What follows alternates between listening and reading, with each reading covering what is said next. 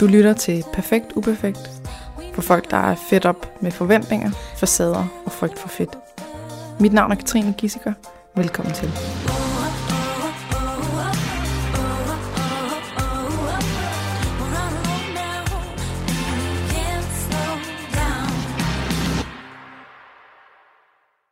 Velkommen til dig, Julie Hove. Jo, tak.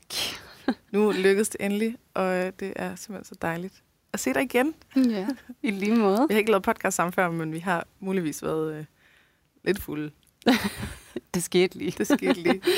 Ja, Ja. Helt, helt spontant, Ja, øh, at vi mødtes til en fredagsbar. ja. Og så fortsatte den bare hele natten.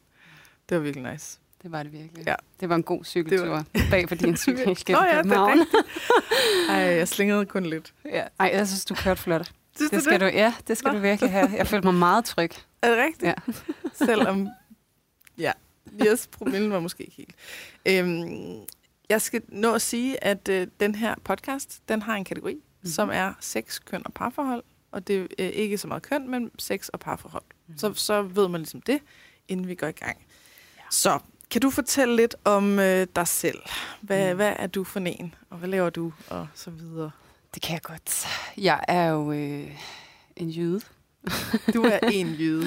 Ja, ej, jeg kommer fra øh, Jylland, og nærmere bestemt Aarhus. Mhm. Der øh, bor jeg, og der har jeg også min praksis, hvor jeg til dagligt arbejder som parterapeut og seksolog.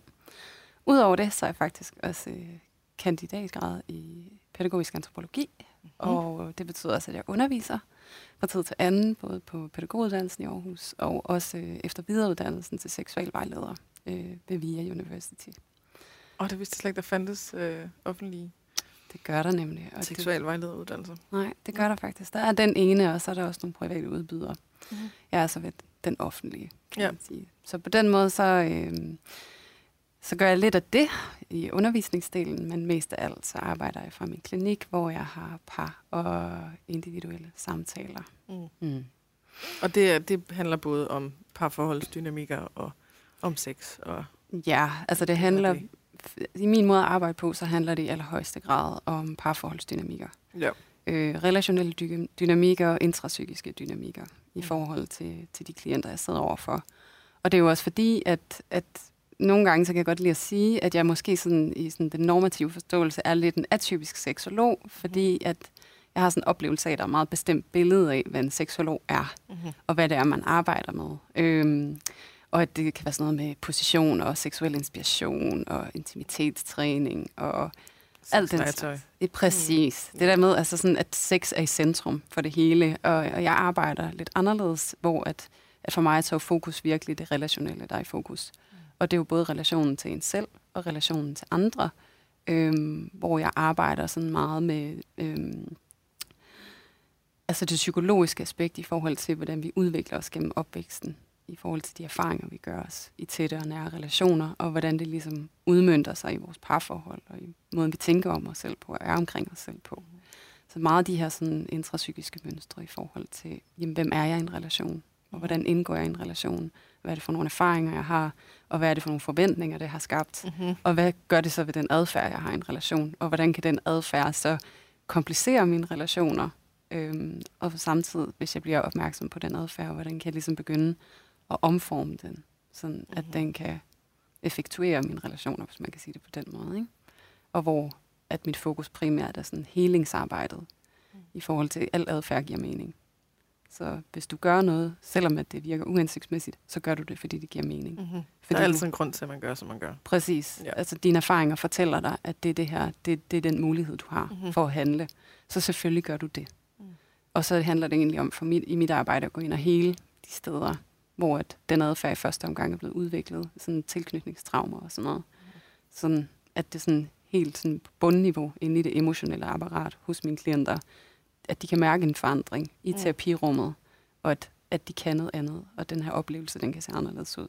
Fordi så kan de også gå ud og leve det på en eller anden måde. Ja. Så jeg er også sådan lidt... Øh, jeg synes også i min branche, der er meget sådan et, et blik på, og sådan, du skal bare have ny bevidsthed. Du skal være bevidst omkring dine mønstre, og jeg tror ikke på, det nok. Nej. Er simpelthen nødt til at have nogle konkrete nye erfaringer. Øhm, og det er dem, du skal have med din terapeut. Så øh, det kan godt være, fordi nogle gange kan det også være frustrerende at få ny bevidsthed, fordi Mm-hmm. jamen, jeg ved alt det her, men jeg gør det samme. ikke- jeg kan ikke gøre noget ved det. Ja. Præcis. Så når jeg står over for min kæreste, og vi er i en dyb konflikt, så føler jeg bare, at mine handlemuligheder de er fuldstændig forduftet. Ja. Og nu er det næsten endnu værre, fordi en del af mig kan sidde og kigge på det udefra og se, at det, jeg gør, ja. det, det er så åndssvagt. Ja. Altså, det hjælper mig overhovedet ikke. Men jeg står Men lige der i jeg sidder situationen. fast. Præcis. Jeg kan ikke handle anderledes, fordi jeg bliver fuldstændig manet op i hjørnet. Ikke? Ja. Så det er det der med at give de der helt konkrete nye erfaringer, både parne imellem, når de sidder inde hos mig, men også altså, det intrapsykiske arbejde med klienterne, så de får nye erfaringer, både i samspil med mig, men faktisk også i et samspil med dem selv. Og det kan godt lyde lidt komplekst, men, øhm, men det er i hvert fald den måde, jeg tilgår det på. Mm-hmm. Og også der, at jeg måske er sådan lidt en atypisk seksolog, fordi sex fylder ikke nødvendigvis ret meget. Fordi Nej. Når, forand- hvad kan jeg sige, når relationen til os selv og dem, der er tættest på os, den begynder at komme i forandring, så vil vi ofte opleve, at det seksuelle kommer som sådan en biprodukt af, Mm-hmm. at det er stykke arbejde, så det også begynder at forandre sig. Fordi trygheden den bliver øget, og jo mere trygge vi er, jo mere frie er vi også. Mm-hmm. Ja. Ja. Så, så at, øh, at det er symptombehandling, hvis man kun går ind og siger, nå, men om du har ikke lyst til sex, okay, så, så prøv på den her, med den her stilling, eller prøv at Præcis. Ja, køb en vibrator, købe, ikke? købe vibrator, eller Ja, eller begynde at læse Prøv noget at eller... ja, prøv tantra, Ja, hvad det, det være. Ja, Ja. Jeg, er ikke, jeg er ikke fortaler for at give god råd. Og Nej. det, det siger jeg også klart og tydeligt. Hvis det er god råd, du gerne vil have, så er det ikke mig, du skal snakke med. Nej, du vil gerne hjælpe dem til selv at finde ud af. Præcis. Her laver vi forandringsarbejde. Ja. Ja. Så kan du selv helt selv gå ud og faktisk mærke, hvad der er rigtigt for dig. Og så ved du lige præcis, hvad det er, du skal søge efter. Ja. ja så det kommer indenfra. Tjek. Tjek. Altså, jeg, jeg, jeg føler jo, jeg kender dig. Jeg har jo kun lige mødt dig en enkelt aften, men du ved, jeg, jeg tænker bare sådan, du ved, alt, alt hvad du siger, det giver mening, at vi, vi er sikkert er enige om alt. Det er vi nok ikke, men øh, være Vi skal nok Men, kunne øh, udforske skal nogle områder, hvor at, Ja. ja. Der er sådan, øh, når, nu lytter jeg her, i, øh, der er sådan en øh, lidt en kliklyd. Jeg ved ikke, om det er, er det, om det er din mund, der laver kliklyden. Det kan vi ikke rigtig gøre noget ved. Nej. Øhm, men der er ikke, altså du, vi har taget din ørering af og sådan noget, så øhm, ja, Altså, så er det min mund, der klikker. det kan godt være. Ja. Jeg har en klikmund. En klikmund. Den, den, den sidste jeg tage den ud? Nej, det er okay. Okay. Jeg tænker bare, nu vil jeg bare lige tale sætte det, så at, øh, at ja, hvis man lytter med, så det kan godt være, at der er klik. Det kan vi altså ikke lige øh, Vi håber, I lytter det. med alligevel og kan Ja. bære over med min kliklyd. præcis. Ja. Godt. Ja, så øhm, du er fra Aarhus og arbejder som atypisk seksolog. Ja. Hvor du mere går ind i mere går i dybden og i årsagsbehandling end symptombehandling. Præcis. Ja. Adfærdsforandring. Adfærdsforandring, Mm. ja. Og øhm, hvordan er det nu, øh, hvis nu man synes, man har set dig før? Har du så været på tv eller et eller andet? ja, det har jeg. Øhm, jeg øh, havde fornøjelsen af at få lov til at være ekspert i datingprogrammet på TV2, der hedder Alene Sammen, her i den tredje sæson, hvor jeg var ekspert sammen med Trine Demand, som er antropolog, Mhm. og så fik jeg lov til at komme med mit bidrag til det program som øh, seksolog, Mm-hmm. hvor jeg skulle hjælpe deltagerne til at på en eller anden måde navigere i den her helt vilde oplevelse og den her relationsdannelse, som de stod overfor. Og der skulle parne være alene sammen på en ø, Mm. og du skulle hjælpe til, at, det, at de så kunne håndtere det, Det kan man sige, ja. og kunne måske bruge det. Ja, det er det. Ja, sådan I det store grove billede, ja, så er det egentlig sådan en, en støtte i forhold til at være i den ekstreme situation, som de er i, Mhm. mm. men jo virkelig også en massiv støtte i forhold til måske at hjælpe dem til at ændre nogle af de her mønstre, Mhm. som de jo så netop har med sig, som, som gør, at de måske i første omgang har meldt sig til programmet, fordi jeg kan se, at, at m- mine Tinder swipes og sådan noget, altså al min effort, den giver ikke det udfald, jeg godt mm-hmm. Mhm. kunne tænke mig. Og jeg er blevet opmærksom på, at jeg måske har nogle tendenser, nogle mønstre, nogle tilbøjeligheder, ting jeg gør, ja. som modarbejder mig. Og så nu har jeg signet op på det her eksperiment for ligesom netop at få støtten, få et helt andet mil- miljø, nogle andre omgivelser, mm. som så måske netop kan blive afsættet til, at jeg får en ny oplevelse. Så på den måde... Men det er par, ikke? det er det. Altså, det er jo otte singler, som bliver til Der- fire par, som skal være Og på de hver kender deres ikke hinanden i ø forvejen? Sverige. Nej, det er den længste blind Okay, date den ever. lige... Øh, De ja. kender ikke hinanden, og de har ikke set hinanden før. Så det er Nå, jeg troede, det var allerede etableret par, der så var gået lidt død i den. Nej, slet ikke. Okay. Nej, så det er meget interessant. Ja, er Og så, jeg ikke har TV2 Play, at så ser jeg slet ikke noget fra TV2. det må du lige hjem Det skal jeg lige hjem og have, ja. Ja. Okay, så der var du ligesom, øh, der var du parterapeuten, der der prøvede at hjælpe til, at de kunne danne en god relation. Ja, præcis. Ja, give lidt støtte undervejs, mm. hvis det blev lidt udfordrende. Ja. ja. Fedt. Og så udover det, så kan man sige, det kan jo også være, øh, at der er nogen, der har hørt min podcast. Mm-hmm. Fordi sådan en har jeg jo lavet i tre har år. du sådan en? Ja, det Nå, har jeg. den. Tre år? Nå, øh, hvornår har I tre års fødselsdag så? Mm, Det har vi i dag. og du skal med. Jeg skal med. ja. ja. Ej, det bliver hyggeligt. Ja. Ja. Ja. Det er dejligt, dig og Anders, I vil komme. Vi skal lave reception, og så skal vi, så skal vi ud og spise bagefter. Ja, det bliver så dejligt. Det er så godt. Lidt mindre øh, promille måske i dag end, end sidst. Eller det vil vise sig. Det ser vi på. Men hyggeligt skal det i hvert fald være. Ja. ja. Og hvad hedder den podcast? Den hedder Parforhold uden filter. Ja. Mm. Og den laver du sammen med Louise. Det gør jeg nemlig. Louise Lukov, som er øh, selvværdscoach. Mm-hmm. Ja. Hvor vi snakker om ja, alt inden for sex og parforhold. Kvæg den kategori, vi også taler om i dag. mm. Ja, så, Så det er noget, I ligesom har nørdet sammen. Og, fuldstændig. øh, og lavet den her podcast, men også haft besøg af andre. Og, Det har vi. Ja. ja. og det hele handler om parforhold. Det hele handler om parforhold. Yes. Og I bruger også jeres egne parforhold en gang imellem, ikke? Øh, rigtig meget. at fortælle. Ja, og det var jo egentlig også, fordi vi synes, at der var rigtig mange gode podcasts derude, som taler om relationer, om Mhm. parforhold og tendenser og tilbøjeligheder og whatnot. Vi synes bare, noget af det, der manglede, det var, at det blev lidt uden filter. Fordi Ja. enten så er det nogle øh, privatpersoner, helt almindelige mennesker, som sidder og deler ud af noget, som kan være komplekst eller udfordrende mm. eller svært. Eller så er det kendte personer, som sidder og fortæller om deres parforhold. Og, og det kan være lidt svært at relatere lige til den målgruppe. Og så ellers er det eksperter typisk og ofte, som sidder og taler meget ud fra et fagligt ståsted. Ja.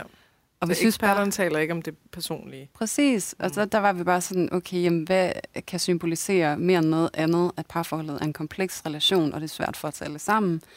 Men det kan det da, at vi stiller os op som eksperter de og fortæller, har udfordringer. Præcis, og, og sådan meget real time, og sådan, nu er det det her, der er på bud hjemme med mig. Det er det her, vi bokser med, det er det her, vi arbejder med. Mm.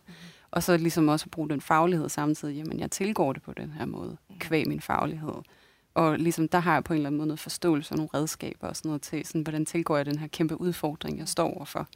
Og så kan lytterne måske sådan, ah, okay, så sådan kan man gøre, når man står der og er ved sådan mm-hmm. at blive rødglødende på indersiden over, at opvasken ikke er taget. Ikke? Altså sådan, hvordan kan I imødegå det på en konstruktiv måde? Mm-hmm. Og hvordan ser det også ud, når det går helt galt? Mm. For det gør det også nogle gange. Ja, det må da være enormt befriende at høre, når folk de... Altså når eksperter snakker om, hvordan de selv fejler, eller altså, Ja, det er præcis. totalt. Det er helt klart Jeg er min, en sukker for. det, er det. det er mit Ja. klare indtryk. Det gør du også selv. Ja. Så var ananas i egen juice her. ja, men det, det, der, er- der er noget i forhold til sådan at, øh, at gå lidt ind i det, som der er en lille smule forbudt. Altså hvor, der, hvor det er sådan, hvor man skal diskutere, om det er personligt eller privat. Ja. Hvor jeg lidt godt kan lide det. Ja. Fordi der er så få mennesker, der gør det. Altså alt er sådan, du ved, min håndsrækning væk, ikke? Eller sådan, hvad hedder Mm. det? At man, at det er sådan safe at snakke om, fordi det er noget, der skete en gang, eller øh, det er noget, som man, ja, man Ja. taler om på en måde, der ikke er sådan, det er ikke farligt. Det. Nej, og jeg synes også, og jeg kan så godt genkende det, du siger, og det er også lidt den oplevelse, jeg har. Sådan, så lytter jeg til en ekspert, og så kan jeg have svært ved at mærke mig selv i det, eller så kan jeg føle, at jeg karter lidt rundt i, okay, men hvordan jeg kan mærke noget, men jeg kan ikke lige helt finde ud af, hvordan Mhm. ser det ud i virkeligheden, og kan det relatere sig til mig. Men når jeg hører en, som sådan sidder og bruger sig selv og bliver personlig, Mm. Og deler ud, så er det lige pludselig et menneske, jeg relaterer til. Jeg er ikke en og så er det fagperson. Sådan, ah, det, det er det. det så går bare sådan, ind på en anden måde. Præcis sådan, åh, sådan der har jeg det også. Mm. Eller, så, så jeg synes, det er kraftfuldt på en anden måde. Og det er jo så, altså, man kan sige, det er jo også et bag- valg, man tager i Mm. forhold til at, at stå som fagperson. Men altså, man kan sige, det er jo ikke gået helt galt. Altså, jeg har fået lov til at, at få et, et rigtigt arbejde og sådan noget alligevel, selvom mm-hmm. Mhm. jeg deler ud af mig selv.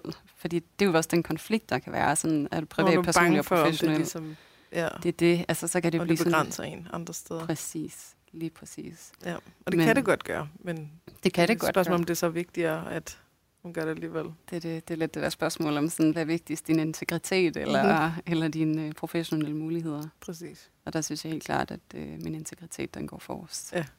Og det er jo så et valg. Amen to that. Ja, I wanna be me. Ja, Ja, yeah, doing what I do. Ja. Og hvad er sådan din øh, historik med, altså, med alt det her sådan hele emnet omkring parforhold og sex? Og, altså, hvordan er du ligesom nået til, hvor du er i dag? Ja, Ja. det, det spørger jeg også mig selv om nogle gange. sådan lige løfter blikket og lige kigger rundt og tænker sådan, så skete det lige. Okay, hvordan fanden Mhm. landte vi lige her, ikke? Øhm, fordi jeg har haft sådan en, jeg har sgu været sådan lidt en curveball. Altså, jeg har været rundt omkring øhm, i tidernes morgen. Øh, da jeg var færdig med at gå på efterskole, så var jeg helt overbevist om, at jeg skulle være make artist Mm-hmm. Jeg var så overbevist, at øh, jeg arbejdede rigtig mange timer i en kiosk. Tre, timeløn på 60 kroner, fordi at den her uddannelse kostede altså 60.000. Og den skulle jeg selv finansiere. Øj. Så jeg gik i skole tre dage om ugen i Randers til, til make artist, og så de andre dage arbejdede så i den her kiosk for at kunne betale til for det. det. Ja. Og jeg var helt overbevist om, det bare, det skal jeg bare. Mm-hmm. Jeg har altid haft sådan lidt en kreativ nerve, og jeg har været sådan lidt pynteglad. Øhm, så det var det, jeg skulle. Og så gik det op for mig sådan undervejs. Det fik bare sådan en følelse af, at det er ikke nok. Mm-hmm. Mm. Altså, der, der er noget mere for mig.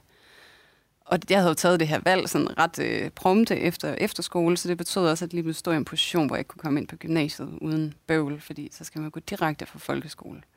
mm-hmm. Og så måtte jeg til at kæmpe kampen om at komme ind på STX og optagelsesprøver og alt sådan noget. Men jeg kom så heldigvis ind.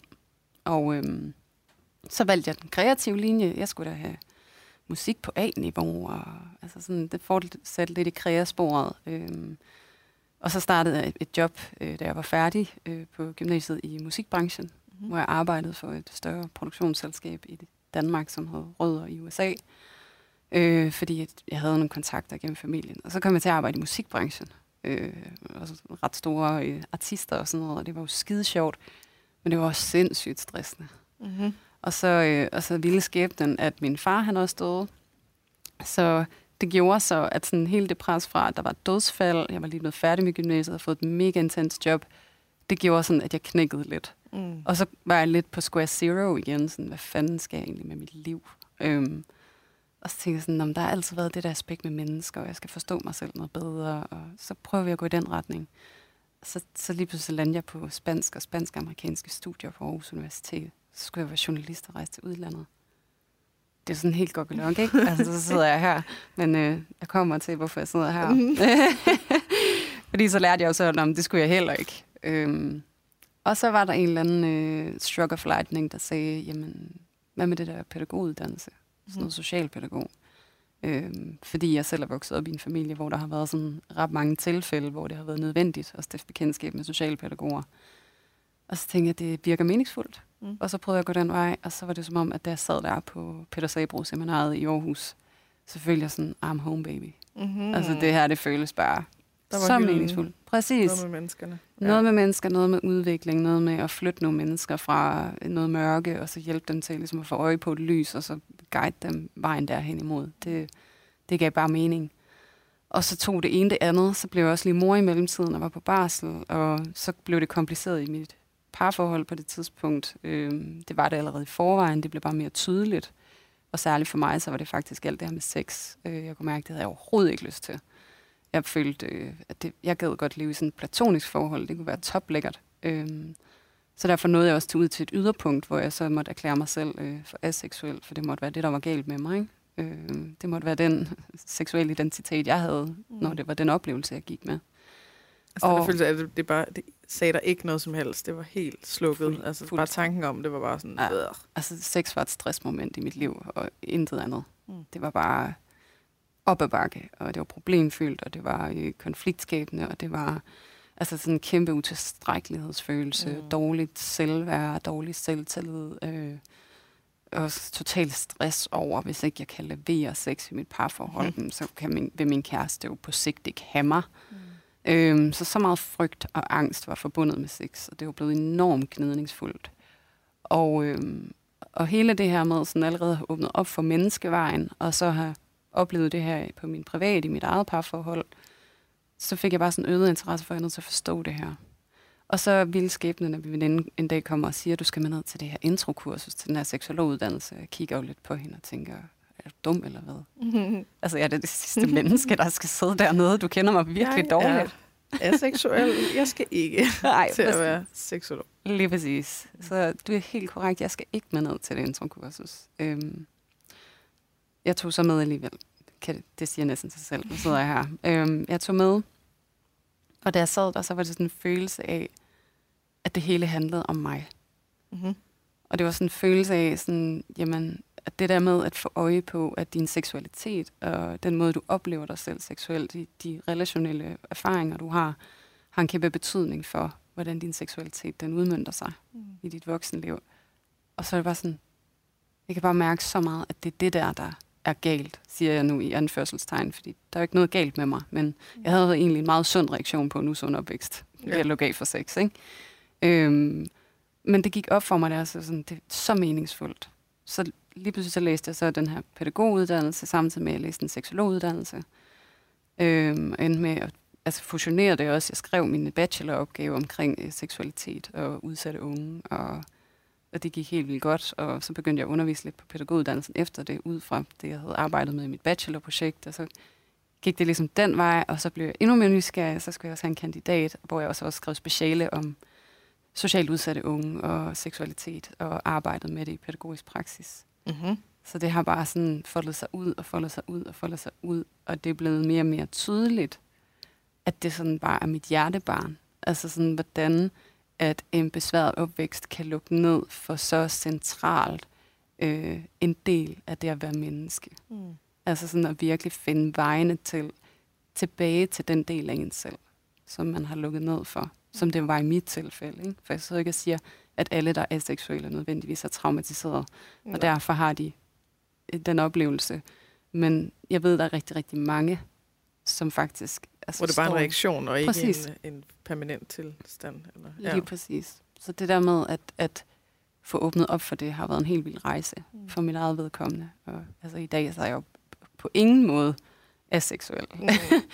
Uden at gå i detaljer, ikke? Um, Ja, men, jeg vil meget gerne have detaljer det. jeg kan godt se dine øjne lige spærret op. er det rigtigt? Nej, slet ikke. Nej, men og det var også den der oplevelse af sådan, gud, også bare få lov til at erfare, sådan, kan sex og seksualitet være det her? Mm-hmm. Wow, jeg anede ikke. Altså, det var sådan virkelig en følelse af, i sådan hele den her udforskning, og lære det her fag at kende. Jeg følte, der åbnede sig sådan en helt parallel dimension til den, jeg har levet i, hvor det sådan, wow. Mm-hmm. Altså, det var så spændende. Så det har bare været så meningsfuldt. Og nu kan jeg ikke slippe det igen ja. overhovedet. Også det der med at kigge på relationer i forhold til livsfaser, overgang og samspil og sådan noget. Hvordan sex og seksualitet det forandrer sig bare livet igennem. Mm. Og det tager form alt efter, sådan, hvilken form vores relation har, og hvilket sted den befinder sig. Altså alt er kontekstbestemt på en eller anden måde. Ikke? Mm. Og jeg synes, det er så meningsfuldt. Og også bare sådan at hjælpe mennesker tilbage til, til den del af, det, af livet, som det også er. Mm-hmm. Og ikke mindst også bare til det relationelle. Ikke? Altså, fordi vi har ikke rigtig noget øh, medmindre vi er noget i kraft af hinanden. Mm. Ja. Mm-hmm. Så det var rejsen. ja, og kan du sige noget mere om sådan øh, det der med at, at stå fra, altså at være til et møde på en psykologuddannelse, og være fuldstændig overbevist om, at jeg er seksuel, og jeg skal slet ikke have noget med det her at gøre. Mm. Det siger mig ikke noget, og sådan er det. Altså, nogle mennesker synes, at øh, chokolade, chokolade smager rigtig godt. Jeg havde chokolade, så jeg skal ikke, jeg skal ikke være chokolademaker, eller sådan. Mm. Øhm, og så til at, at, at blive sådan, altså mindblown. Mm. Hvad var det for nogle ting, der øh, ændrede sig for dig? Fordi det vil ikke sådan, at du så dagen efter mødet, så du sådan, gud nej, jeg er ikke aseksuel, og mm. let's go baby, eller... Nej, slet ikke. Øhm, det var sådan et videre stykke opdagelsesarbejde, fordi jeg følte mig jo stadigvæk sådan aseksuel. Jeg havde stadig stærke aversioner mod sex mm. og seksualitet. Øhm, så der var sådan hele, altså men min, mit hoved begyndte at forstå, at, at der var et større billede, som jeg ikke havde kigget på. Men min krop og mine erfaringer var stadig det samme sted. Mm. Så jeg var jo også, altså det var jo sådan et frø, der blev plantet og skulle vokse sig op. Øhm, og det har jo taget rigtig meget arbejde, og ironisk nok, så har jeg også fundet ud af, øhm, jeg har en far også, der var misbruger, øhm, og det har også gjort, at jeg for eksempel kunne få et tilbud om terapi ved Tuba, som jeg mm. virkelig kan anbefale. Tuba er fantastisk. Øhm, men det betød så også, at jeg kom ind, og så begyndte jeg at have så meget terapi derinde, og få en masse psykologsamtaler, og så gik det faktisk op for mig, at undervejs i det her forløb, altså jeg havde lige fået en opmærksomhed på, wow, det har så meget med sådan din intrapsykiske mønstre at gøre til det der kursus, det er så dem, jeg skal arbejde med. Mm. Jeg skal ikke ind og have rådgivning, jeg skal ikke begynde at gå til tantra-kurser, jeg skal ikke begynde mm. at købe en vibrator, okay. eller begynde at læse Kama Sutra. Jeg skal arbejde med mig selv. Mm-hmm. Jeg skal virkelig rydde op i alle de sindssygt dårlige erfaringer, jeg har med mig. Mm. Og i det stykke arbejde, så bliver der åbnet op for noget andet. Så kan jeg reagere på nye måder i det seksuelle. Nu sagde jeg før, at det var sådan dårlig samvittighed, frygt, skyld, skam. Mm-hmm. Det var ligesom overskriften på det seksuelle for mit vedkommende. Og det er jo det der med at få ændret alle de erfaringer, jeg har, der har fået mig til det facit. Så det der arbejde med at gå tilbage ind i Tuba med den her psykolog, af de her rigtig mange omgange, det gjorde, at det forandrede sig for mig. Og det, det, det var det, der gik op for mig, da jeg sad på det kursus. Sådan, det, der er noget, der kan forandre sig. Mm-hmm. Og det er det her, det kræver. Håbet om, at gud, det behøver ikke at blive ved med at være sådan. Præcis, fordi jeg var jo, altså før det, så var jeg jo sådan, Nå, men jeg er nok bare der, hvor at jeg skal købe sådan en julekalender fra Sinful, og så skal vi sidde og åbne en lov i den, og så skal jeg ligesom bare prøve at leve med det, og overkomme alle de her tanker og følelser, ikke? Øhm, det var sådan et håbløst sted. Sådan et afmægtigt sted. Utilstrækkeligt sted. Ja. Ja. Så det forandrede sig fuldstændig fra den dag, fordi der lige pludselig var nogen, der sagde, øh, har du kigget herover? Mm-hmm. Øh, nej. Du var sådan, "Hvor- hvad, hvad, er det? Ja. Hvad, findes der der? Ja, kan man det? Og har det noget med det at gøre? Altså Ja. sådan, det var helt... Øh, men selvfølgelig har det noget med det at gøre. Ja. Altså det er også det der sådan, du ikke... Din seksualitet er ikke en ting ude for dig selv, men det var jo der, jeg havde placeret det, ikke? Mm. Så sådan, jeg havde jo eksternaliseret det, og så lige pludselig er der nogen, der står sådan, "Jamen, det, er jo, det er jo internaliseret inde i dig. Mm. Altså det er jo sådan indlejret. Der er jo bare alt muligt, der Mm. blokerer. Og det hænger sammen med alt det andet. Præcis. Altså det der med at, at korte ting ud, det er sådan en ting, det, det gør jeg både med mad og med sex. Præcis. Sikkert også med andre ting, men sådan, eller også øh, sådan noget alkoholmisbrug, ikke? så tænker man, når det er, det er alkoholen, der er problemet. Nej, alkohol er jo coping på problemet. Eller altså, så det, lad os nu lige kigge, hvad det er for en reaktion, det her alkohol kommer af, eller hvad er det en reaktion på. Det det. Og det der med, at der er sex, altså de, det, vi er virkelig miles uh, behind, både med mad og sex, at Mm-hmm. det er sådan... Ja, men, øh, men nu skal vi, vi skal arbejde med, med sex. Hvordan får jeg lyst til sex? Fordi øh, jeg har ikke lyst, så jeg, øh, du ved, der er et problem med mig. Mm. Fix mig. Mm. Hvordan får jeg lyst? Og så sådan, jamen skal vi ikke, øh, skal vi ikke gå tilbage og snakke om nogle af de her ting? Eller øh, hvordan er din øh, kommunikation? Eller hvordan har du det med? Eller øh, stress på arbejdet? Eller sådan, sådan, ja, ja, det er meget fint, men skulle vi ikke snakke om sex? Mm. Sådan, jamen, Det hænger det sammen. hænger jo sammen Ja. hvis du er mega stresset, så vil dit system jo også automatisk ligesom ikke være... ja, Altså, lige præcis det Som der. er man jo ikke Præcis. liderlig, når man er pisse stresset. Det er det. Altså. Og det er jo virkelig en vigtig pointe. Lige det der, der er rigtig mange mennesker, der sådan, er faktisk er pinligt ubevidste omkring, altså hvor meget din psyke den har af afgørende betydning for, om du har uh, libido og drive mm. eller ej. Ikke? Altså sådan virkelig dit kortisolniveau. Hvis det er højt, eller dopaminniveau og serotoninniveau, det er alt for lavt, måske kvæg depression eller noget i den dur, eller du er altså alt for overaktiv i din reptilhjerne, hvor det er kæmpe flygt frys, fordi du har angst, der har du ikke lyst til sex. Nej. Og det er så naturligt. Det skal du ikke have. Det er ikke meningen. Det er ikke meningen. nej. Så måske skulle vi arbejde med det, og så lad os se, hvad det får af følgevirkninger. Så bare helt den pointe der, den er jo egentlig ret væsentlig. Og det er lidt det, der sådan... At, altså min, I min optik, så er tingene blevet skilt lidt for meget ad. Mm. Og også fordi, at når vi snakker om sex, så snakker vi også om noget, der er enormt tabubelagt. Så det er sådan på relativt mange måder også sådan uudforsket i en eller anden kontekst. Og nu, nu, kan jeg også, nu er også jeg har skrevet speciale i forhold til det pædagogiske arbejde med seksualitet. Bliver det jo også enormt tydeligt, at der er et videnshul her.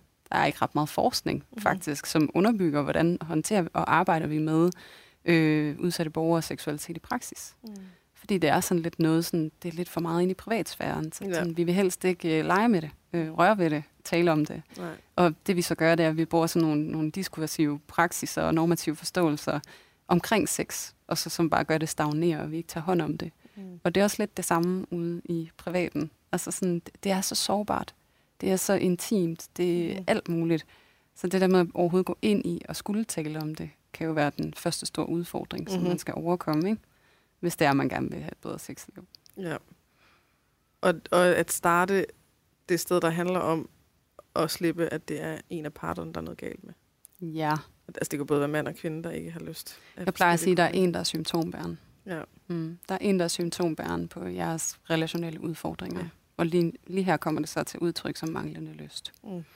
Og så kan det jo så være netop noget intrapsykisk. Altså det kan jo være, at vedkommende har så faktisk en depression eller angst. Mm. Eller, og det kan være, at det kommer kvæg arbejdet. Eller et, at der er en, der har mistet en veninde. Eller Mm-hmm. mm. altså, der er noget konflikt eller noget andre steder om parforholdet, som så influerer den person. Og så kan man godt sige, okay, jamen, så måske er der noget depression, angst, stress, mm. whatever. Det er selvfølgelig herover. Mm. Men det har også et aftryk på jeres relation. Og så er der noget med også, hvordan reagerer din partner på det sted, du er. Mm-hmm. Ja, så hvordan er jeres samspil også med til at understøtte, at den her ulyst, den eksisterer i jeres relation? Mm-hmm. Fordi det er jo det, vi kan med parforhold. Det er jo en fantastisk størrelse. For jo højere grad af tryghed, vi kan etablere i en relation, jo højere grad af frihed er der, og jo flere handlemuligheder har vi også. Mm. Så det der med, når vi kigger på en part, der for eksempel har stress, angst, depression, og så har de en partner, som ikke nødvendigvis selv har noget, og jo mere vi kan styrke samspillet mellem de to, jo mindre bliver symptomerne på stress, Mm. angst, depression, og jo tættere begynder de også at komme hinanden. Mm. Fordi det er det der med, at der er tryghed i relationen. Og jeg plejer tit at kigge på sådan, som barn, hvis du blev syg. Hvad var det for en reaktion, du fik fra dine omsorgspersoner? Mm. Når min mor var pisse træt af det, så kunne hun ikke komme på arbejde.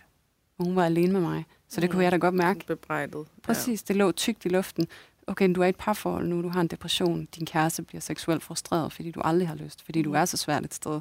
Så det, du møder lige her, er bebrejdelse og frustration. Mm. Og det gør, at det ikke er udtalt, men det ligger. Og du Mhm. kan skære igennem luften, og du er Ja, i man tvivl kan. om det. Man kan mærke det på den Det mindste det. lille Præcis. Og så bliver det, eller whatever. det er det. Og så det, der sker herovre, det er, at vi har fået aktiveret nogle tidlige erfaringer. Mm-hmm. Og hvad er min adfærd så? Når jeg får Mhm. aktiveret de erfaringer, jamen, så kan det være, at jeg gør mig selv lille. Jeg trækker mig. Jeg lukker ned, fordi jeg gør mit bedste forsøg på at beskytte mig fra den Mhm. bebrejdelse, som sætter alt det ubehag i gang inden i mig. Ikke?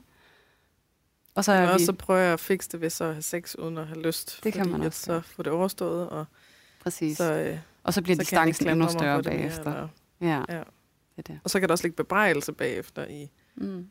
han fik mig til det, selvom det ikke er bevidst. Og altså sådan, det er bare, åh, ja. Ja.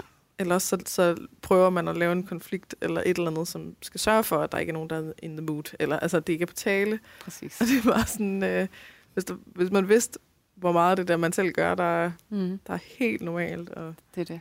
Det er strategier. Ja. Og det er også virkelig forståeligt, at det du gør, det er, at du lukker ned, når du møder bebrejdelse. Fordi at første gang, du erfarede det, der var du faktisk ikke ret stor, og du var ret afhængig mm-hmm.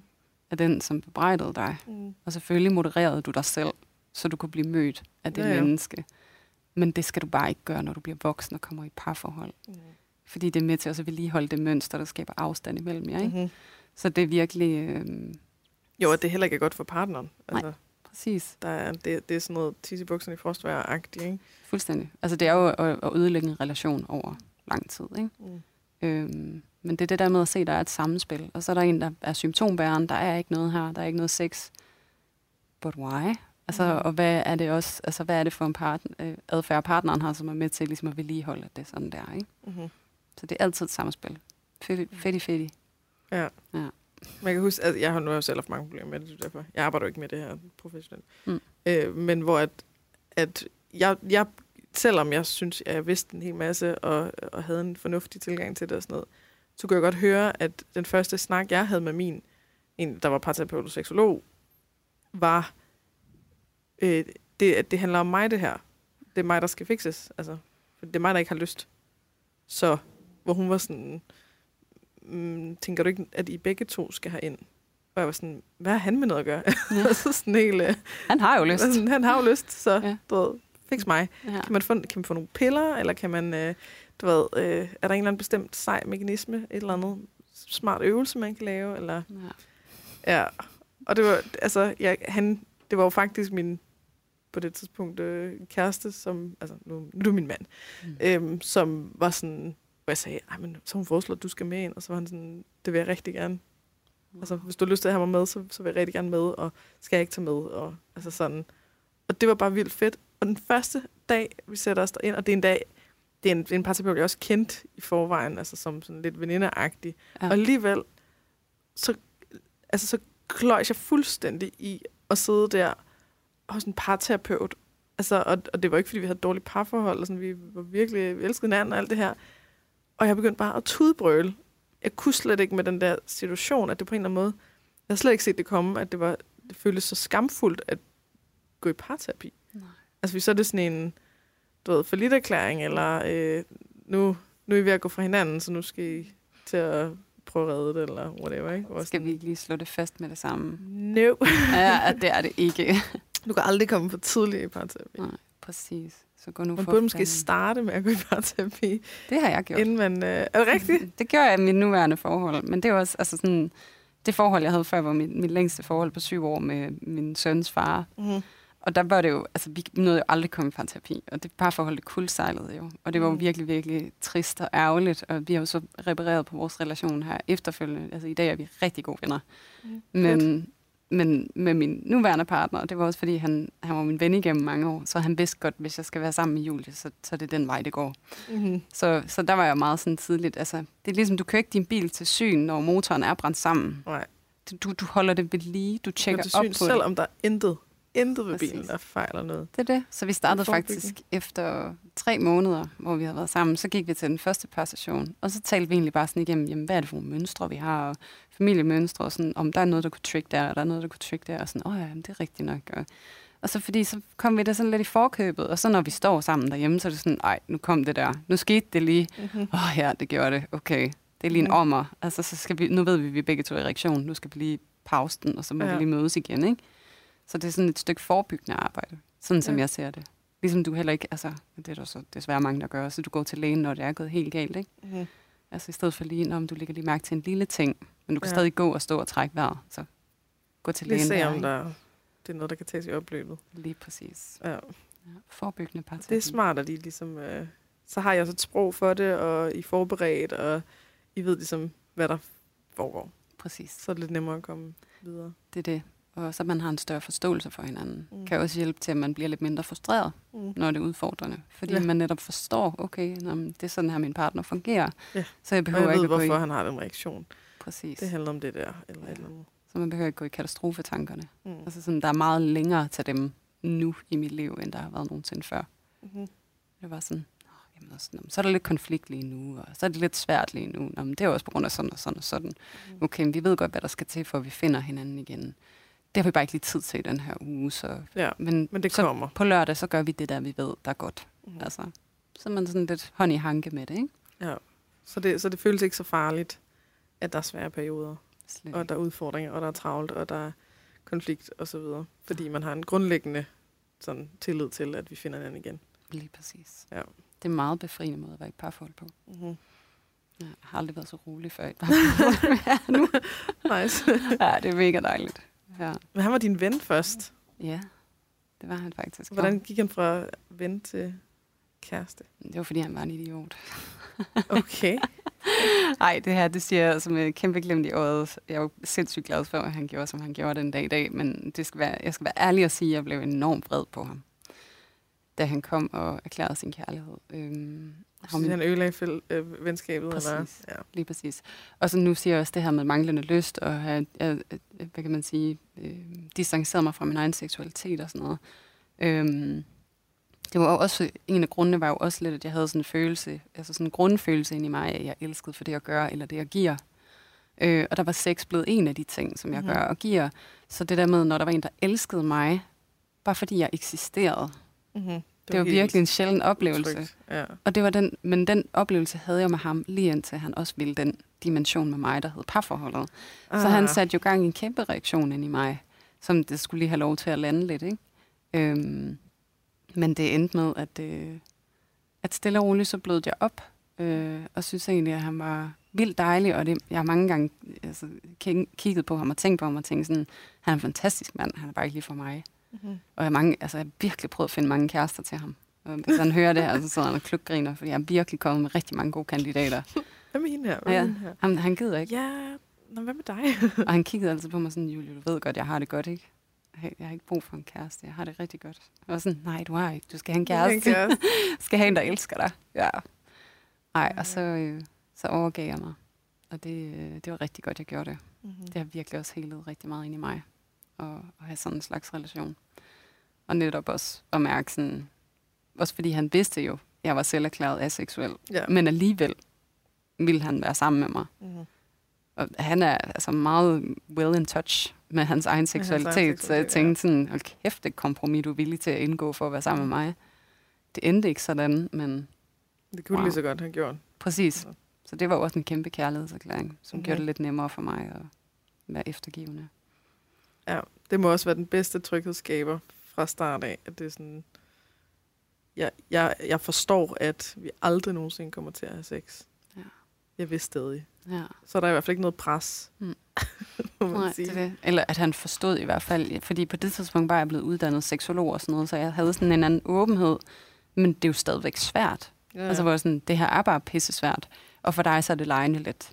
Mm. Det kommer til at blive svært. Altså det kommer til at være en udfordring. Der er noget, vi skal øve os på her, altså at opdage. Og at han var villig til det, det var sådan, okay, jamen det er interessant. det, det må vi prøve at udforske, og nu har vi da været sammen i fire og et halvt år. Ja. Ja, Så det gik. det gik. Det gik alligevel. Ja, det går sgu stadig meget godt, faktisk. Nå, Ja. det er da dejligt. Ja. Det- Og hvad, altså, øh, hvad, hvad for nogle ting har været sådan det mest hvad skal jeg sige, øh, banebrydende for dig? Øh, altså noget, hvor du pludselig kunne mærke, hov, der er noget her. Hov, nu fik jeg faktisk ryddet op i noget. Gud, hov, nu kan jeg faktisk mærke et eller andet. Øh, hvad har, altså, hvis du har lyst til at fortælle om det. Altså. Mm. Det kan jeg godt. Øhm, for mig har samtalen været rigtig vigtig. Mm. Øhm, fordi nogle gange, når jeg sådan skal i kontakt med de der dårlige erfaringer, jeg har omkring sex, altså både de tankemønstre, jeg har fået, den adfærd, jeg har haft, og de ting, jeg har følt og sådan noget, Mm. det kan godt være enormt sårbart at gå ind i. Og sådan, hvis I prøver at lægge mærke til os, jer der lytter med, hvis I begynder at tale om noget, der engang var traumatisk, så kan I næsten mærke hele kroppen, altså hvordan det føles præcis, som det gjorde dengang. Altså man kan lige mærke den der. Og der har han sådan sammen med mig aktivt taget initiativ til, lad os tale om nogle af de oplevelser, Mm-hmm. og lad os tale om noget af det, som har været udfordrende. Og så går vi altid en tur i sådan et kolonihaveområde, Mm-hmm. øh, går ved siden af hinanden og kigger fremad, og så kan jeg tale om de her ting, som har været svære og traumatiske. Og han spørger egentlig bare ind til det og rummer det og viser omsorg for det. Øhm, og sådan, at det ikke er seksuelt, men så den nærhed, der opstår der, Mm-hmm. og den tryghed netop, som jo er det, jeg også arbejder med, den tryghed, der opstår i, at han får lov til at se mig. Han får lov til at se, hvad det gør ved mig, og jeg får lov til at mærke, at nu er jeg ikke alene med det. Der er faktisk, og det er det der forskel, nu er der en sammen med mig. Hvor at før så er det noget, der bare har eksisteret på min inderside, og som er blevet gemt væk, fordi det er for ubehageligt for mig at være nærværende over for det. Så det der med, at det der helingsarbejde, Mm-hmm. i faktisk at genbesøge nogle af de steder, hvor jeg har følt mig alene, og så mærke, at han er der sammen med mig. Nu har du et anker med. Eller? Præcis. Altså det giver sådan, ja, lige præcis, det er så godt sagt, altså sådan et anker i det, der er utrygt. Mm. Og så efter de samtaler, så er der en helt anden form for hengivenhed og nærhed, og jeg føler mig meget mere sådan fri. Altså sådan, det bedste, jeg kan beskrive, det er sådan, normalt, der plejer at ligge sådan en metaldyne af tanker Mm. ned over hovedet på mig, hvor jeg føler mig så fjern og slet ikke nærværende. Mm. Og så når vi har haft de der seancer, har jeg næsten lyst til at kalde det, så er der ikke nogen metaldyne. Mm-hmm. Og for hver gang vi har en seance, så er der mindre og mindre metaldyne for hver gang vi er sammen. hvis det De, giver de armoring, Ja, det det hedder i, på Mm, et det, man kan sige, det er sådan en tantrisk greb oh, okay. i forhold til faktisk at gå ind og arbejde med skeden og muskelspændinger og sådan noget. Jeg tror, men- det mere var sådan psykisk, at man Men vi kunne lege med det. sin uh, armor ned, Det er jo som jo det. lyder som om det er det, du gør med hjernedynen, Præcis. den ryger af. Præcis. Og Fordi det, det er trygt. Eller det, er det, det det. Så sådan de-armoring af øh, emotioner og, Mm-hmm. og mønstre og følelser og fornemmelser. Ikke? Fordi det er også sådan, kvæg det, jeg kommer fra, er netop det relationelle, der bliver utrygt. Og det er der, hvor jeg lukker af.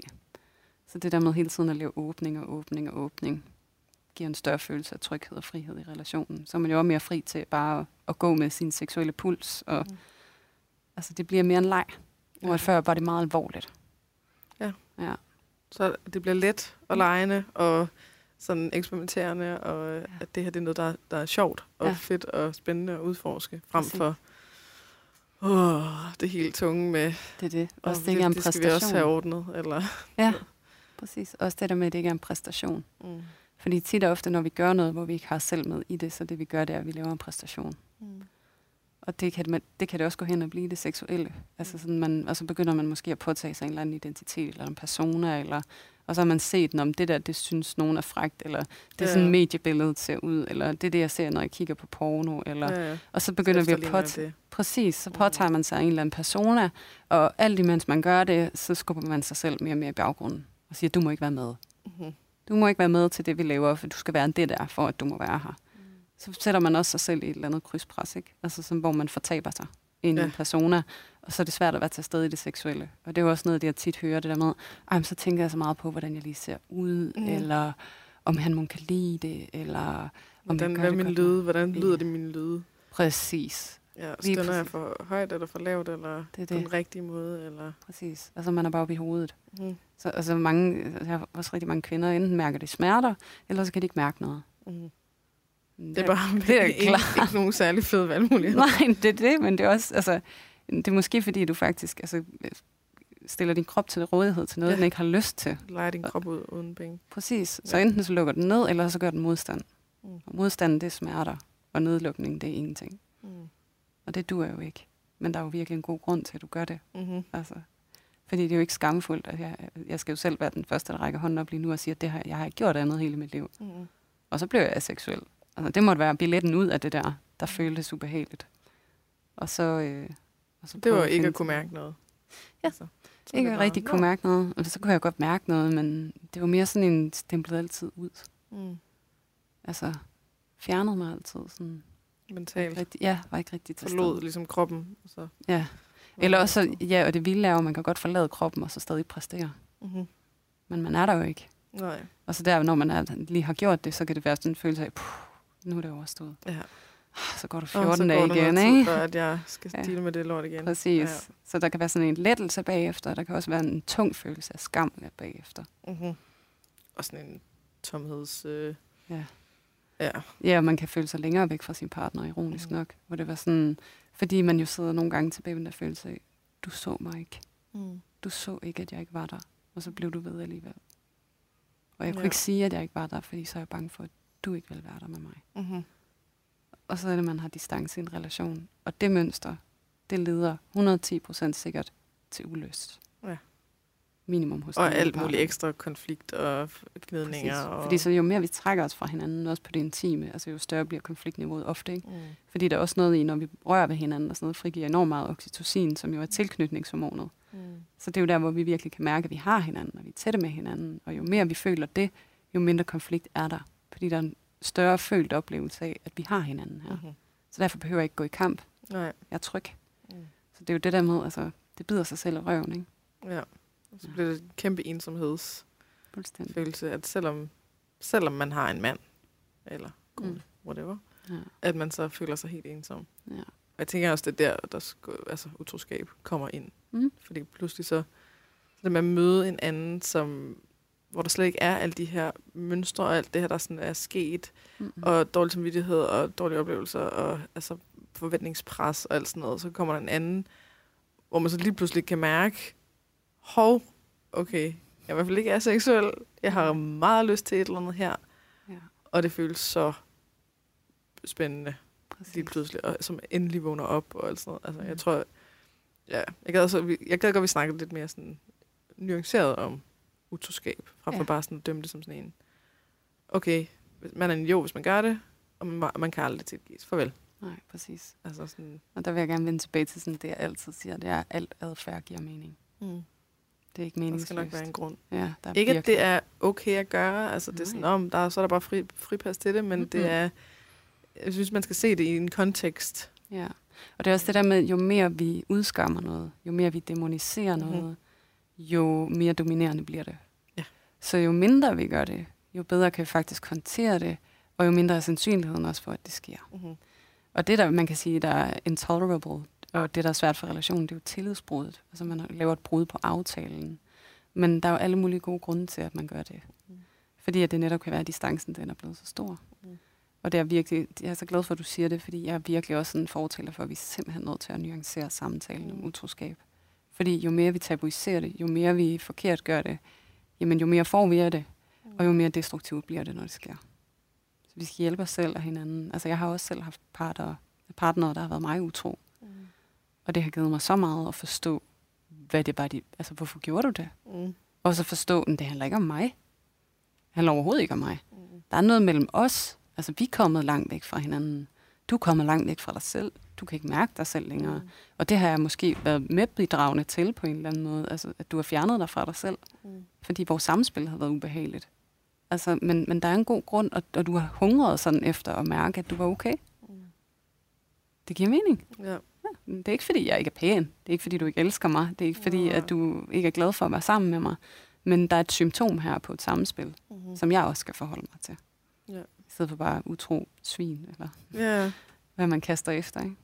altså, der er jo selvfølgelig grader af det hele, og, altså, Mm. men jeg synes bare, ja, generelt, så, men jeg, jeg har netop, jeg har stået på begge sider også, og Ja. ligesom, både af den, der har været, der er blevet utroet, eller hvad det hedder, og Bedraget. den, der har ja, Ja. selv været ude.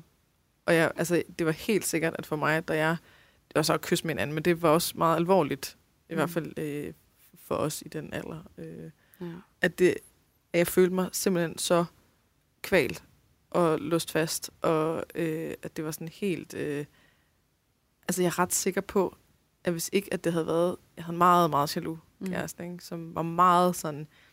Du ved, bare jeg havde svaret på, hvad klokken var, når en fyr spurgte, så Mm. havde jeg ligesom været nærmest utro, og det blev bare værre og værre, og altså, der, det endte bare med, at, altså, at, at jeg, følte mig, jeg følte mig så låst, og jeg, det var så forbudt det der med at bare så meget som flytte bare en lille smule, og, og så blev det bare så vanvittigt spændende.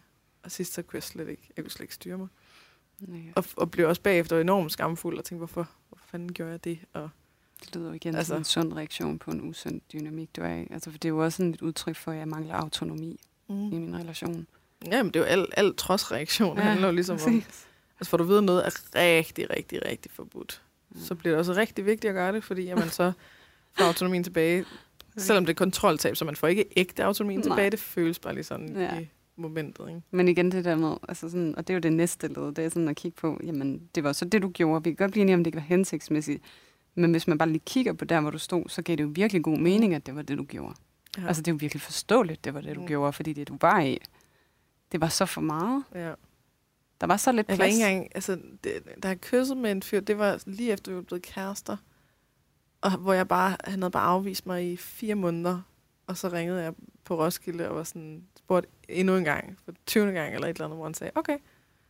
Og så blev jeg bare helt vildt glad, og så holdt jeg mig bare inde i mit telt hele ugen, fordi jeg skulle slet ikke ud og friste sig noget som helst, fordi nu havde jeg en kæreste, og så den sidste dag tænkte jeg, ej, det er simpelthen dysfunktionelt det her. Jeg skal også bare kunne, altså, jeg skal også kunne være ude og møde folk og sådan noget. Og så der havde været sådan en fyr i nabolejren, som jeg bare var blevet sådan kampforelsket i. Altså fordi, at det var så forbudt, som jeg endte med at kysse med. Wow. Og det, det startede også bare sådan en masse lort allerede fra start af i vores parforhold. Og så senere, så var det sådan noget med, at jeg, altså, at jeg gik en tur med en fyr. Men det var, jamen det var, altså, det var så dramatisk. Det lyder virkelig også Ja, en intens ja, ja, men- relation, ikke? Altså, ja, men sådan, ja, at, ja, jeg tænker, at man... Øh, ja. Men det er jo et godt eksempel på, at man, man gør nogle ting som menneske. Altså på en eller anden måde for at få noget autonomi tilbage. Mm. Og det vil vi Præcis. altid prøve at gøre på en eller anden måde. Det er ligesom, at jeg lukker af for sex og siger, at jeg er aseksuel. Det var, fordi jeg har brug for at mærke noget autonomi. Mm. Mm. Altså er det råderum. Så, så du, du tager kontrol over det, Præcis. og du stopper forventningspresset om det. Det er det. Jeg har brug for at lukke det ned, fordi Ja. jeg er simpelthen... Så siger, Det er så slidsomt for mig, Ja. at det er på den her måde. Så nu har jeg brug for at tage kontrollen over det. Og så Præcis. virkelig sådan sætte et stempel. ja. Og segmentere. This is how it is. så nu er den lukket. Nu vil vi ikke Præcis. snakke om det mere. Så Ikke? nu er jeg in charge igen. Det er det. Det er meget naturligt, Ja. vi mennesker, vi gerne vil det. Og så skal du, så i det der ligger også det, at det, det er dig, hvis du vælger at, øh, at bevæge dig ud af det, Mm. så er det fordi, du bestemmer det. Der er ikke nogen, der kommer og siger, du skal, og det er også det, sådan, hvis man, jeg kunne forestille mig, hvis man er aseksuel, og folk, de siger, lidt ligesom vi snakker om nu, sådan, nej, men altså, regn med det, en reaktion, og bare vent. Ja. Altså, det kan godt gøre det modsatte, ikke? Fordi mm. Man så mister autonomien. Det er sådan en, Mm. "Ej, vi, vi tror ikke helt på dig. Sådan, ja, ja, ja, det er meget sødt, du tror det, men ja. det er bare fordi, at et eller andet, ikke? Altså, det vigtige er jo, at man selv er den, der vælger at arbejde med det. Præcis. Du kom ind i noget her med din ven og kærlighed og relation, og du synes, at det uh, nu er i hvert fald spændende det her med at gå ind og arbejde med dig selv i det, og nærheden, og lige pludselig kunne mærke nogle ting, og så videre, ikke? Mm. Du, har, du beholder din autonomi hele vejen igennem. Der er ikke noget pres. Mm-mm. Du gør det ikke for hans skyld. Du gør det ikke for... Øh, altså, du, du stresser ikke over det, alle de der ting. Nej. Det tror jeg bare er key. Ja, det gør Altså- forskellen. Jeg plejer at sige, gør du det af desperation eller inspiration? Mm. Fordi der er, Inspiration, det er autonomisk. Og, ja, det, Ja, ja, der er en præcis. væsentlig forskel. For hvis du gør noget af desperation, så er det meget forståeligt, at hele dit system altså, reagerer negativt på det. Ja. Fordi så er du i gang med at overleve.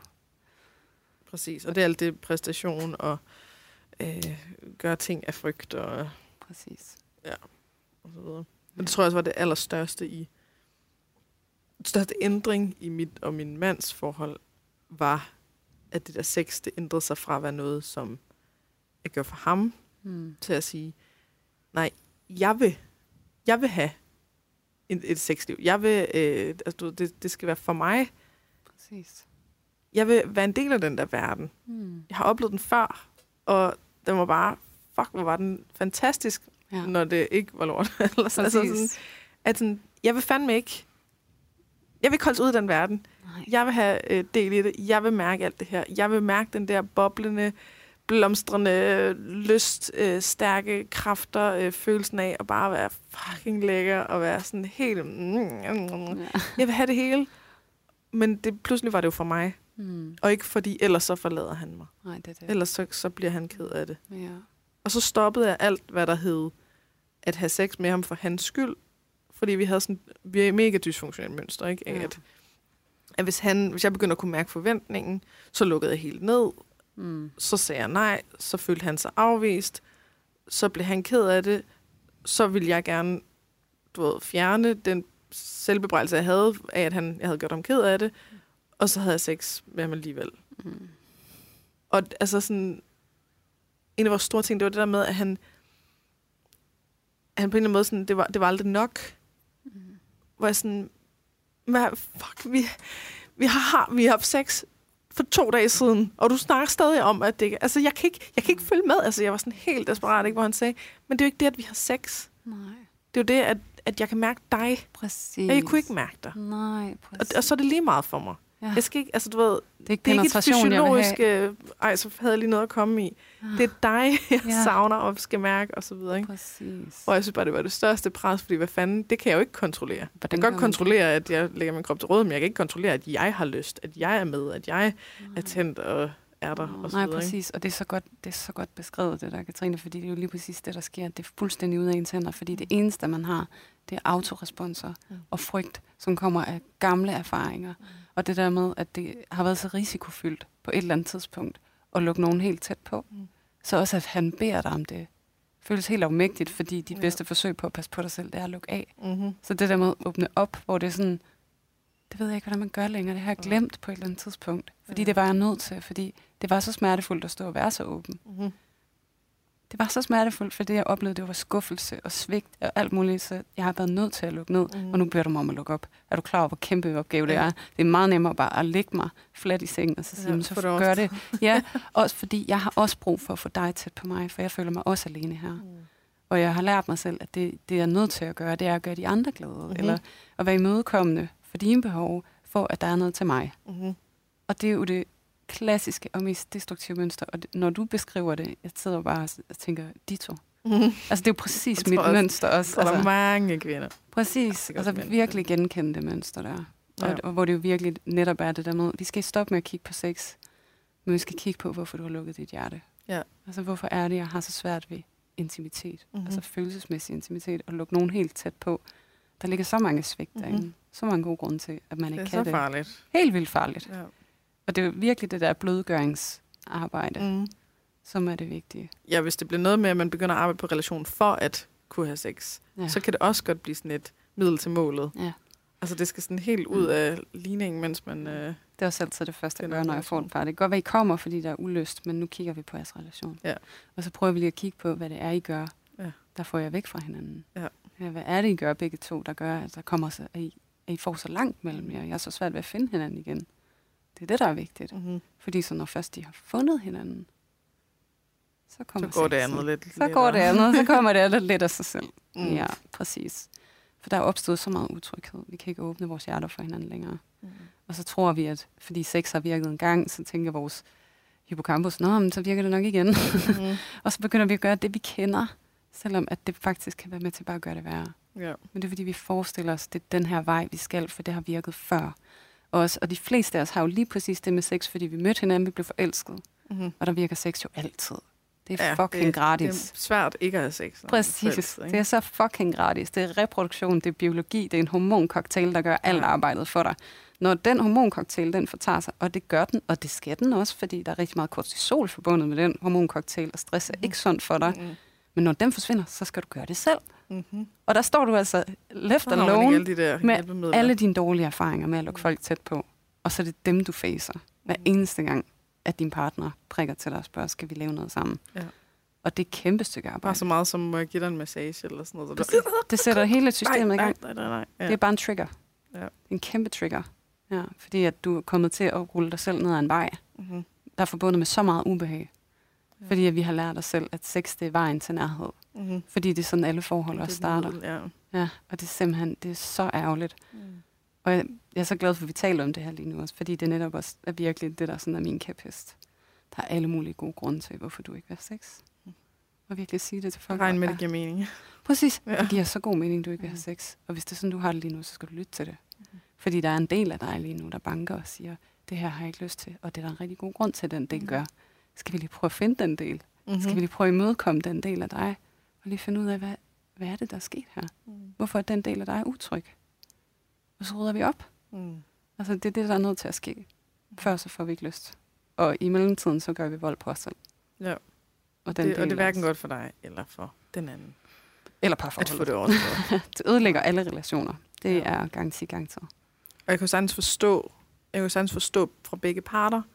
Øh, altså, jeg kan også godt forstå frustrationen. Jeg, jeg ved jo også fra, min mand er jo, for ham, så er så, så den måde, han mærker kærlighed på, det er gennem, ikke, ikke bare sex, men sådan, at, øh, at jeg begærer ham, at jeg giver mig hen Mm. til ham, at jeg, altså, at man har den, den slags nærhed, som, som sex kan være. Mm.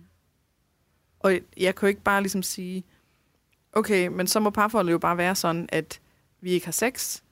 Jeg har brug for øh, kys og kram og putte og alt sådan noget. Det skal du stadig give mig, men det skal ikke være den anden vej. Mm. Altså, fordi det ved jeg også godt, det er jo også mega dysfunktionelt. Han skal jo også have det godt i det. Præcis.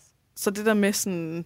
Jeg, altså, jeg kan godt forstå frustrationen, og jeg tror, det, det jeg ligesom nåede frem til var vigtigst, det var det der med, at jeg viser, at jeg rent faktisk gerne vil møde ham. Jeg vil Mm. mm. gerne, gerne arbejde med det. Det er ikke sikkert, at du ved, sådan, jamen, jeg har ikke lyst til sex, så det skal vi ikke have. Mm. Men øh, jeg, jeg vil gerne gå i parterapi. Eller, øh, men jeg vil gerne se den her øh, film om et eller andet. Eller, men jeg vil gerne snakke med, fordi jeg ved, at de har også haft, haft nogle problemer med det her. Eller, altså sådan, det der med, at man viser en, en indsats og en villighed og en interesse osv., som jo kan være vildt svært, hvis først det kommer derud, hvor man bare altså, vemmes bare ved tanken om Mm. så meget som altså, det mindste Præcis. berøring eller et eller andet. Det, så er det rigtig svært at gerne ville ændre det, men så er det fordi, det handler om den anden. Ikke? Mm. Og hvor at, altså, jeg var bare virkelig glad for, at jeg nåede hen til, at det handlede om mig. Og at jeg så der med den, altså Mm. bygget på autonomi, kunne vise ham, at jeg vil, jeg vil der stadig. Præcis. Jeg har ikke muligheden for det her. Mm. Men så viser det på andre måder. Det det. Og så arbejder vi med det, og vi prøver stadig Mm.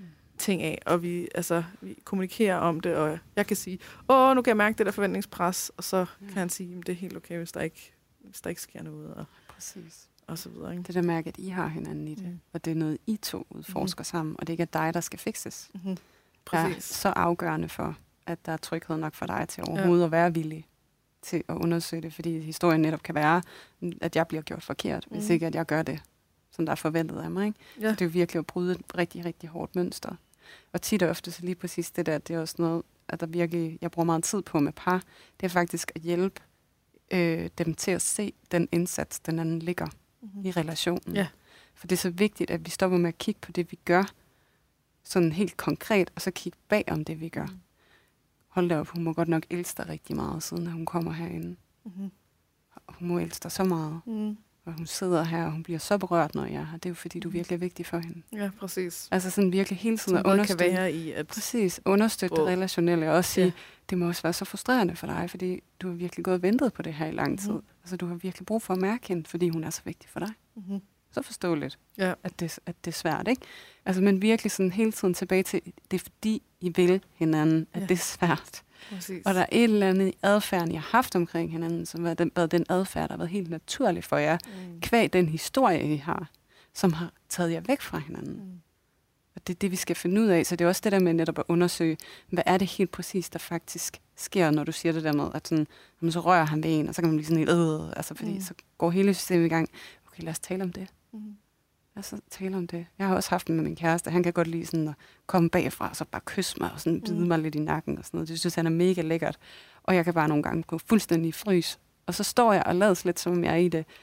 Men, men jeg kan godt mærke, at hele min krop, den, er sådan, mm-hmm. den Mhm. glæder sig til, at vi er færdige med det. Ja. Og så Det der med at sige det, lige når du gør det der, så kan jeg mærke, at der sker det her i min krop. Mm. Okay. Kan jeg vide, hvad det handler om? Ja. Skal vi prøve at undersøge det? Vil det være Præcis. okay for dig, at vi kigger på det? Kan du Mm. tale om det? Hvor kan du mærke det hen i din krop? Jeg kan mærke det nede i maven, og få Mm. en klump i halsen. Og, Og kan jeg stå her om, indtil du ligesom kan mærke, at du begynder at, at Præcis. få skuldrene ned igen? Eller? Det er det. Og er det okay, at jeg lige står her i 10 sekunder, og så mærker vi Præcis. lige, om skuldrene falder ned, og ellers så slipper jeg, og så går vi ind i de der ture hen i kolonihaverne, Mm. og så prøver vi at undersøge sammen, Ja. hvad, hvordan at jeg kan hjælpe dig lige der, Mm. hvor du går i frys, så du kan komme Præcis. tilbage til mig, fordi det ved jeg jo, du gerne vil. Så det er jo virkelig det der med at, at støtte hinanden som partner. Man kan jo hele... Jeg plejer også at sige, at de sår, der bliver dannet i en relation, og det er jo også relationen til vores mor og til vores far, de sår, der bliver dannet i en relation, de skal hele sin relation. Ja. Så det der sammenspil der, det er så sindssygt vigtigt, for at vi kan komme tættere på os selv. Amen. Amen, what a conversation. Nu kan jeg faktisk lige se, at vi er, nu er vi gået over en time, og øh, jeg ved, du har en aftale, så vi skal faktisk til at slutte af, selvom jeg bare, øh, jeg tror bare, jeg kunne snakke med dig i flere timer. Altså, det skal vi også i aften. Men, ja. men jeg kunne sagtens, podcasten kunne, få, ja, kunne bare blive ved. Det kan være, vi Forever. laver en mere en dag. Det kan være Ja. næste gang, du kommer til København. Ja. Ja. Men fedt. Jeg, jeg tænker, at det er, der er mange, der kan genkende det her. Og jeg håber, at det også er tydeligt, hvad budskabet er. Mm. At det handler, altså, det handler om noget andet. ja. Og derfor så er det det andet, der skal i fokus. Præcis. Og man skal ikke forsere det. Nej, Det slet bliver ikke, det bliver ikke godt. Hvis du mærker et nej, så er dit nej. Mm-hmm. Mm, og virkelig være nysgerrig på dit nej. Ja. Og også hvis det er, at du har brug for at kunne mødekomme din partner, så vær nysgerrig på, hvad du kunne sige ja til. Mm-hmm.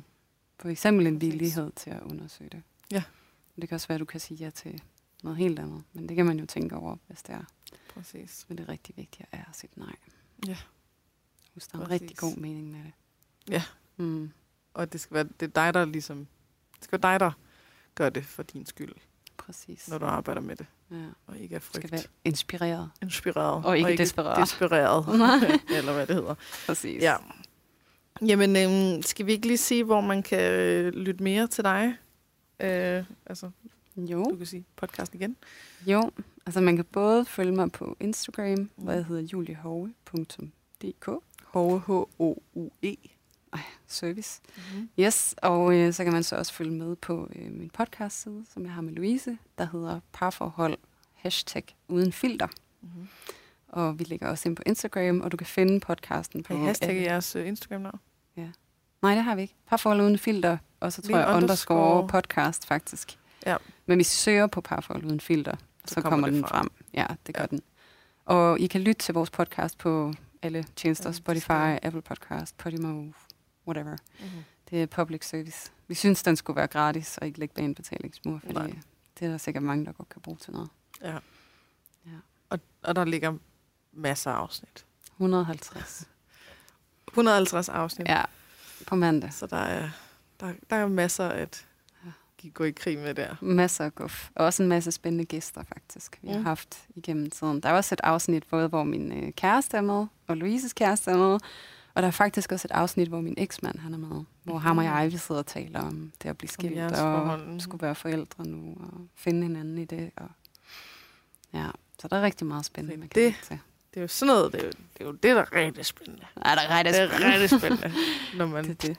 når den anden person også er med. Ja, Ja, så det, det, der kan man gå ind og finde det kan man i par, hvert fald. parforhold uden filter. Det er det. Ja.